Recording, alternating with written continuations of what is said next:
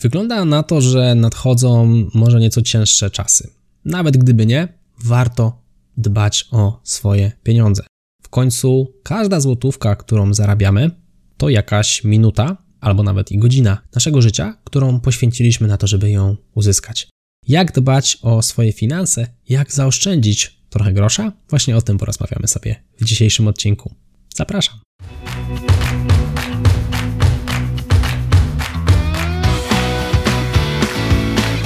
Chcesz przenieść swoją karierę na wyższy poziom?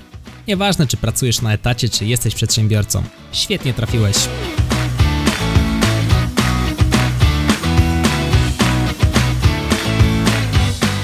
Nazywam się Michał Kowalczyk i witam Cię w Excellent Work Podcast. 15 sposobów na oszczędzanie. I taki na samym początku mały disclaimer. Coś, o czym warto pamiętać. W momencie, kiedy pracujesz, w momencie, kiedy prowadzisz swoją firmę, za czas, który poświęcasz firmie albo pracodawcy, uzyskujesz pieniądze. A więc każda godzina czy minuta Twojego życia poświęcona pracy jest warta jakąś kwotę. Zachęcam Cię gorąco do takiego fajnego ćwiczenia.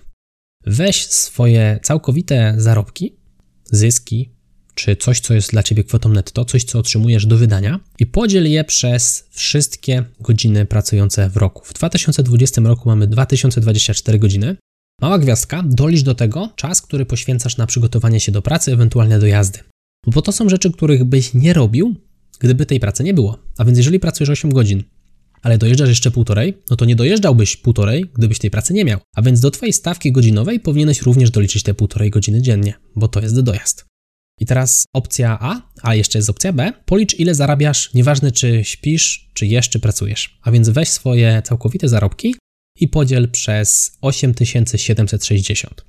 To jest liczba godzin, która jest w całym roku, uwzględniając wszystkie dni i rok nieprzestępny, czyli ten, który ma 365 dni zobaczysz, ile zarabiasz za godzinę życia w tym przypadku. Wiem, że brzmi to trochę strasznie i że nie wszystko powinniśmy przeliczać na minuty i godziny, natomiast jeżeli chodzi o pieniądze, to wygląda na to, że jednak powinniśmy się przyglądać temu nieco bardziej. I myślę, że mocno daje do zrozumienia to, jeżeli na przykład kupimy coś, co jest warte 300 zł i potem policzymy, ile godzin życia pracowaliśmy na te 300 zł.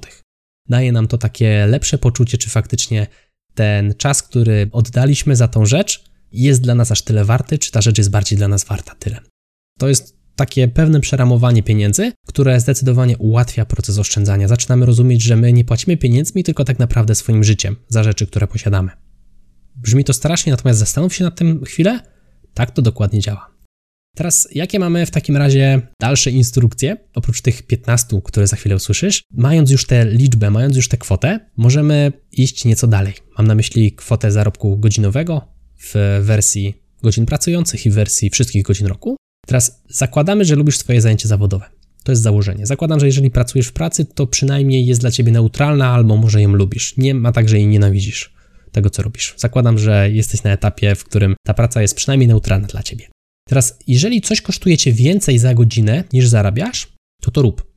Czyli załóżmy, jeżeli zarabiasz na godzinę, strzelam 30 zł, a wynajęcie osoby sprzątającej kosztuje cię 40 zł za godzinę, to dobrze byłoby sprzątać samemu. Ale jeżeli jesteś przedsiębiorcą i na przykład Twoja godzina życia generuje 150 zł czystego zysku, a sprzątanie również kosztuje 40 zł za godzinę, to jeżeli nie weźmiesz pomocy do sprzątania, to tracisz różnicę, czyli te 110 zł na godzinę. To jest prosta kalkulacja i na tym polega przedsiębiorczość. To trochę tak działa potem delegowanie zadań. Przychodzi taka scena w życiu przedsiębiorcy, że mu lepiej jest komuś zapłacić za zrobienie pracy, bo on to po pierwsze zrobi lepiej, po drugie będzie prawdopodobnie to lubił, jest taka szansa, no i po trzecie zaoszczędzi jeszcze na tym ten przedsiębiorca, a po czwarte ta osoba będzie zadowolona. Więc tworzymy miejsca pracy, przedsiębiorca zyskuje, pracownik zyskuje, no i o to opiera się przedsiębiorczość. Natomiast mamy też tę opcję B, gdzie faktycznie to, co robimy, czyli jeśli mniej zarabiamy na godzinę i nie lubimy czegoś robić, no to wtedy ta opcja ze zleceniem.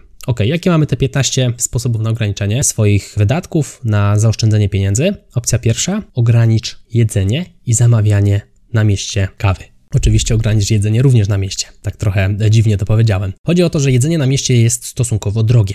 Taki posiłek zaczyna się pewnie od jakichś 20 zł. Jeżeli chodzi o kawę, no to pewnie jakieś 9-10 zł. Lepiej zrobić sobie to w domu, przygotować sobie to wcześniej, oczywiście, jeżeli jest taka możliwość. I tu nie chodzi o to, żebyś ty nigdy w życiu nie zamawiał nic na mieście, ani nigdy w życiu nie pił kawy na mieście. Tu chodzi o to, abyś nie robił tego regularnie w stylu 5 razy na tydzień. Bo to jednak jest pewien wydatek dla budżetu. Rób swoje jedzenie do pracy.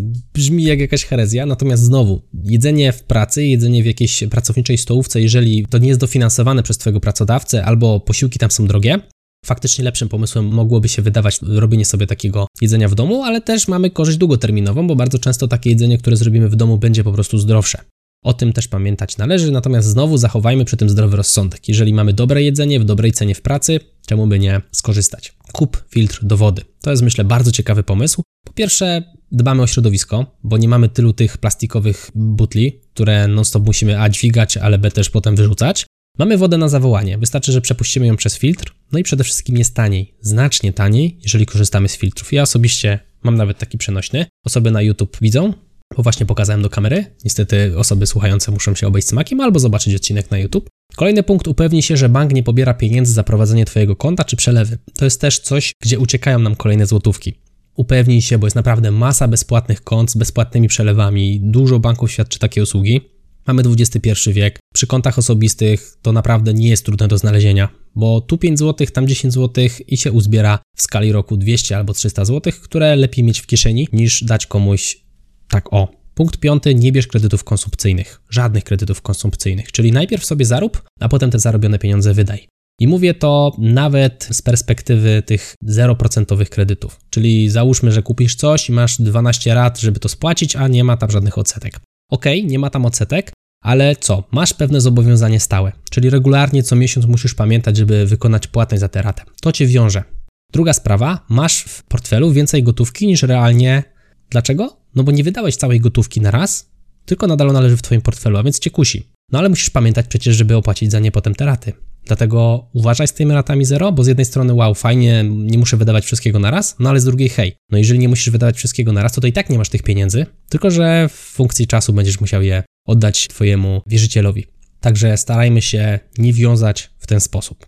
Automatyzuj przelewy za miesięczne rachunki. To jest punkt szósty. Tutaj oszczędności finansowej może aż tyle nie ma, ale jest na pewno oszczędność czasu. A pamiętajmy o tym, że czas w naszym przypadku to przecież jest pieniądz. Policzyliśmy sobie to nieco wcześniej. A więc masz więcej wolnego czasu przez to, że możesz zlecić sobie automatyczne przelewy w banku. Czyli jeżeli robisz przelew na przykład za rachunek telefoniczny, on mniej więcej będzie taki sam, możesz sobie zlecić cyklicznie taki przelew, a co jakiś czas przyjdzie ci wyrównanie. No i nie ma w tym nic złego. Robisz taki przelew cykliczny, ja tak mam na przykład e, zrobione. W ogóle nie muszę myśleć o tym, żeby zapłacić rachunek, bo rachunek płaci się sam.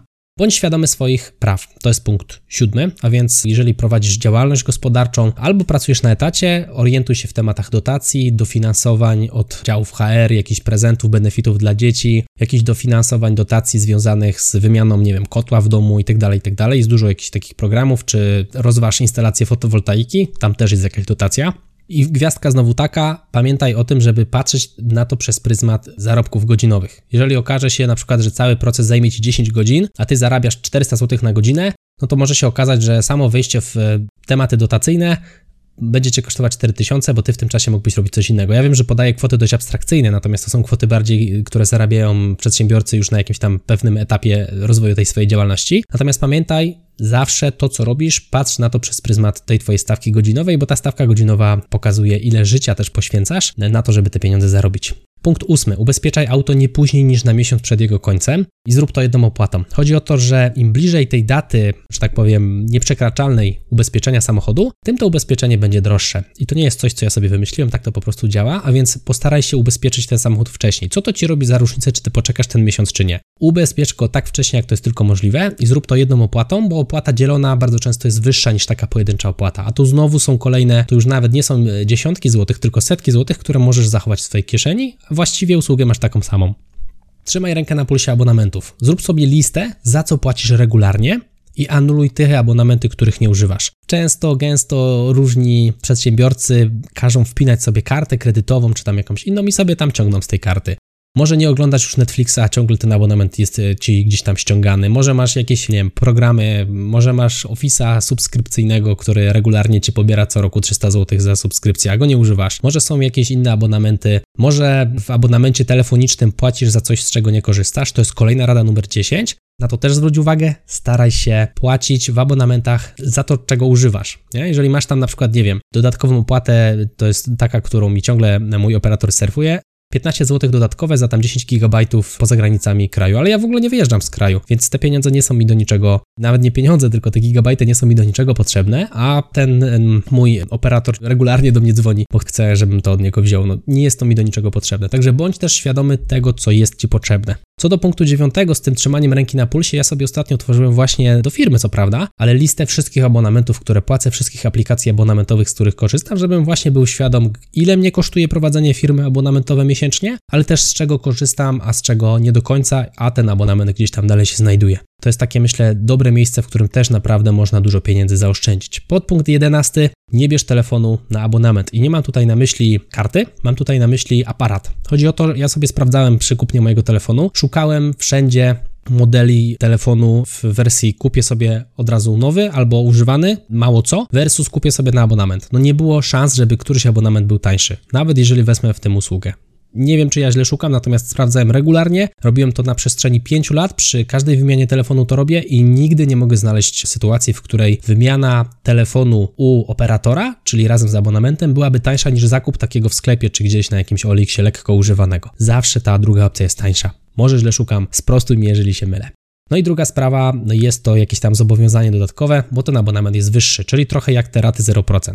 Jeżeli jest to zobowiązanie, będziemy mieli co miesiąc mniej gotówki w portfelu o większą kwotę, ale realnie powinniśmy stracić te pieniądze już zdecydowanie wcześniej, bo taki telefon kosztuje nowy zazwyczaj, no nie wiem, 500 zł, 1000, 1500, 2000, zależy kto ma jaką zasobność portfela i jaki wybiera. I te pieniądze realnie nie są już na naszym koncie, ale oddajemy je co miesiąc, a więc o tym też należy pamiętać, starać się minimalizować te nasze cykliczne płatności. Nie kupuj nic ponad to, czego potrzebujesz.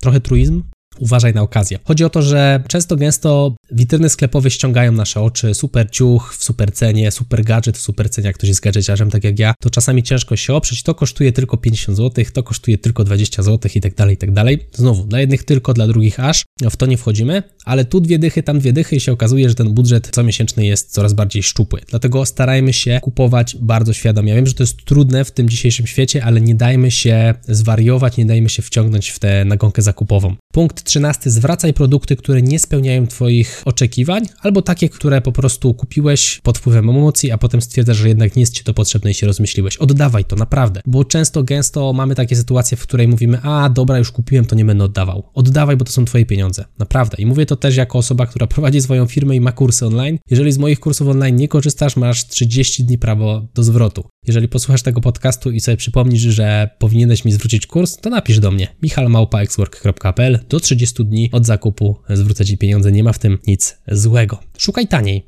droższych produktów. No oczywiście nie będziesz szukał taniej czegoś, co kosztuje 3 zł, Pewnie, chociaż część z nas może tak. Natomiast tu się rozbija znowu nasza stawka godzinowa. Jeżeli szukasz produktu, który załóżmy kosztuje 20 zł i chcesz go znaleźć za 18, a poświęcisz na to pół godziny, a na godzinę zarabiasz na przykład, nie wiem, 50 zł, to jesteś 25 zł w plecy na szukaniu tych dwóch złotych różnicy. No prosta kalkulacja, prosta matematyka. Lepiej czasami sobie w coś pograć, poczytać książkę, bo posiedzieć z rodziną i kupić ten produkt 2 zł drożej, naprawdę. Ale jak mamy już na stole 1000 zł i jest opcja kupić coś za na przykład 800, no to już warto się zastanowić i przyglądnąć, czy nie byłoby gdzieś czasem e, można wychwycić takiej ceny niższej. Pamiętaj, że nie zawsze na Allegro jest najtaniej. Czasami można znaleźć e, produkty. Ja ostatnio kupiłem sobie takie okulary, które blokują światło niebieskie i one nie zostały przeze mnie kupione na Allegro, zostały kupione na zewnętrznym serwisie i było faktycznie taniej niż na Allegro. Tam chyba 10 czy 15 zł. Ale wpisałem w Google, wyskoczyło pierwsze, więc kupiłem od razu, nie potrzebowałem dużo czasu szukać. Dlatego pamiętaj, szukaj taniej, takich droższych produktów, ty musisz zdecydować, co to znaczy droższe produkty, bo dla ciebie droższy to może być 100 zł, dla innego droższy to będzie 2000 zł. Znowu będzie to mocno zależało od zasobności portfela.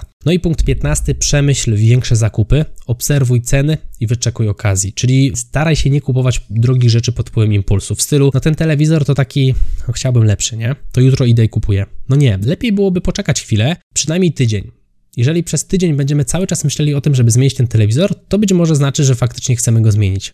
No a jeżeli po dwóch dniach nam przejdzie, może się okazać, że to była po prostu jakaś taka chęć pod wpływem emocji, kupienia sobie czegoś, nie? Jeżeli ja coś kupuję takiego droższego, czy jakiś monitor, czy właśnie jakiś telewizor, co się raczej rzadko zdarza, ale jakiś sprzęt techniczny i tak dalej, zazwyczaj robię to właśnie stosując metodę odczekania tygodnia, dwóch, trzech, czasami nawet i dłużej. Z monitorem tak było. Monitor to chyba rok czekał na to, żebym go wymienił, ale się wreszcie doczekał. Bo no tak zastanawiałem się, a może zmienię, a może nie. Teraz już sobie kupiłem nowy. I kolejna sprawa, obserwuję strony typu Pepper, .pl, pisane przez 2P, Pepper. Tam możesz znaleźć faktycznie fajne okazje, tańsze rzeczy niż normalnie, tym bardziej, że w momencie, kiedy słuchasz tego odcinka, no niedługo już e, pojawia się Black Friday, Cyber Monday, więc trzeba mocno uważać z tymi przecenami minus 50, minus 70, bo czasami te ceny minus 50 i minus 70 to wcale nie są takie super atrakcyjne. No i ta społeczność Pepper.pl naprawdę dobrze weryfikuje te okazje i oddziela te prawdziwe od tych nieprawdziwych. No i przy okazji, z racji tego, że zbliża się Black Friday, jak co roku e, mamy też akcję Black Fridayową związaną z Excelentem. Więcej znajdziesz na także wierzę w to, że spotkamy się być może w którymś z moich kursów. Tymczasem to wszystko w tym odcinku. Jeszcze raz dla przypomnienia te 15 dobrych rad oszczędzania. Ogranicz jedzenie, kupowanie kawy na mieście, rób swoje jedzenie do pracy, kup filtr do wody, upewnij się, że bank nie pobiera pieniędzy za prowadzenie konta i przelewy, nie bierz kredytów konsumpcyjnych, Automatyzuj przelewy za miesięczne rachunki, bądź świadom swoich praw, ubezpieczaj auto nie później niż miesiąc przed terminem i zrób to przy użyciu jednej opłaty, trzymaj rękę na pulsie swoich abonamentów, upewnij się, że płacisz w telefonie za to, z czego korzystasz, nie bierz telefonu na abonament, mam tutaj na myśli oczywiście model, nie kupuj nic ponad to, czego potrzebujesz i uważaj na okazję, zwracaj produkty, jeśli nie spełniają Twoich oczekiwań albo po prostu się rozmyśliłeś, szukaj taniej, droższych produktów, Znowu od Ciebie będzie zależało, co to znaczy droższe. Przemyśl większe zakupy i obserwuj ceny, wyczekując okazji. To tyle z mojej strony, to był Excellent Work Podcast. Jeżeli podobał Ci się ten odcinek, podziel się nim z jedną osobą. Do zobaczenia, no i do usłyszenia następnym razem. Trzymaj się, hej!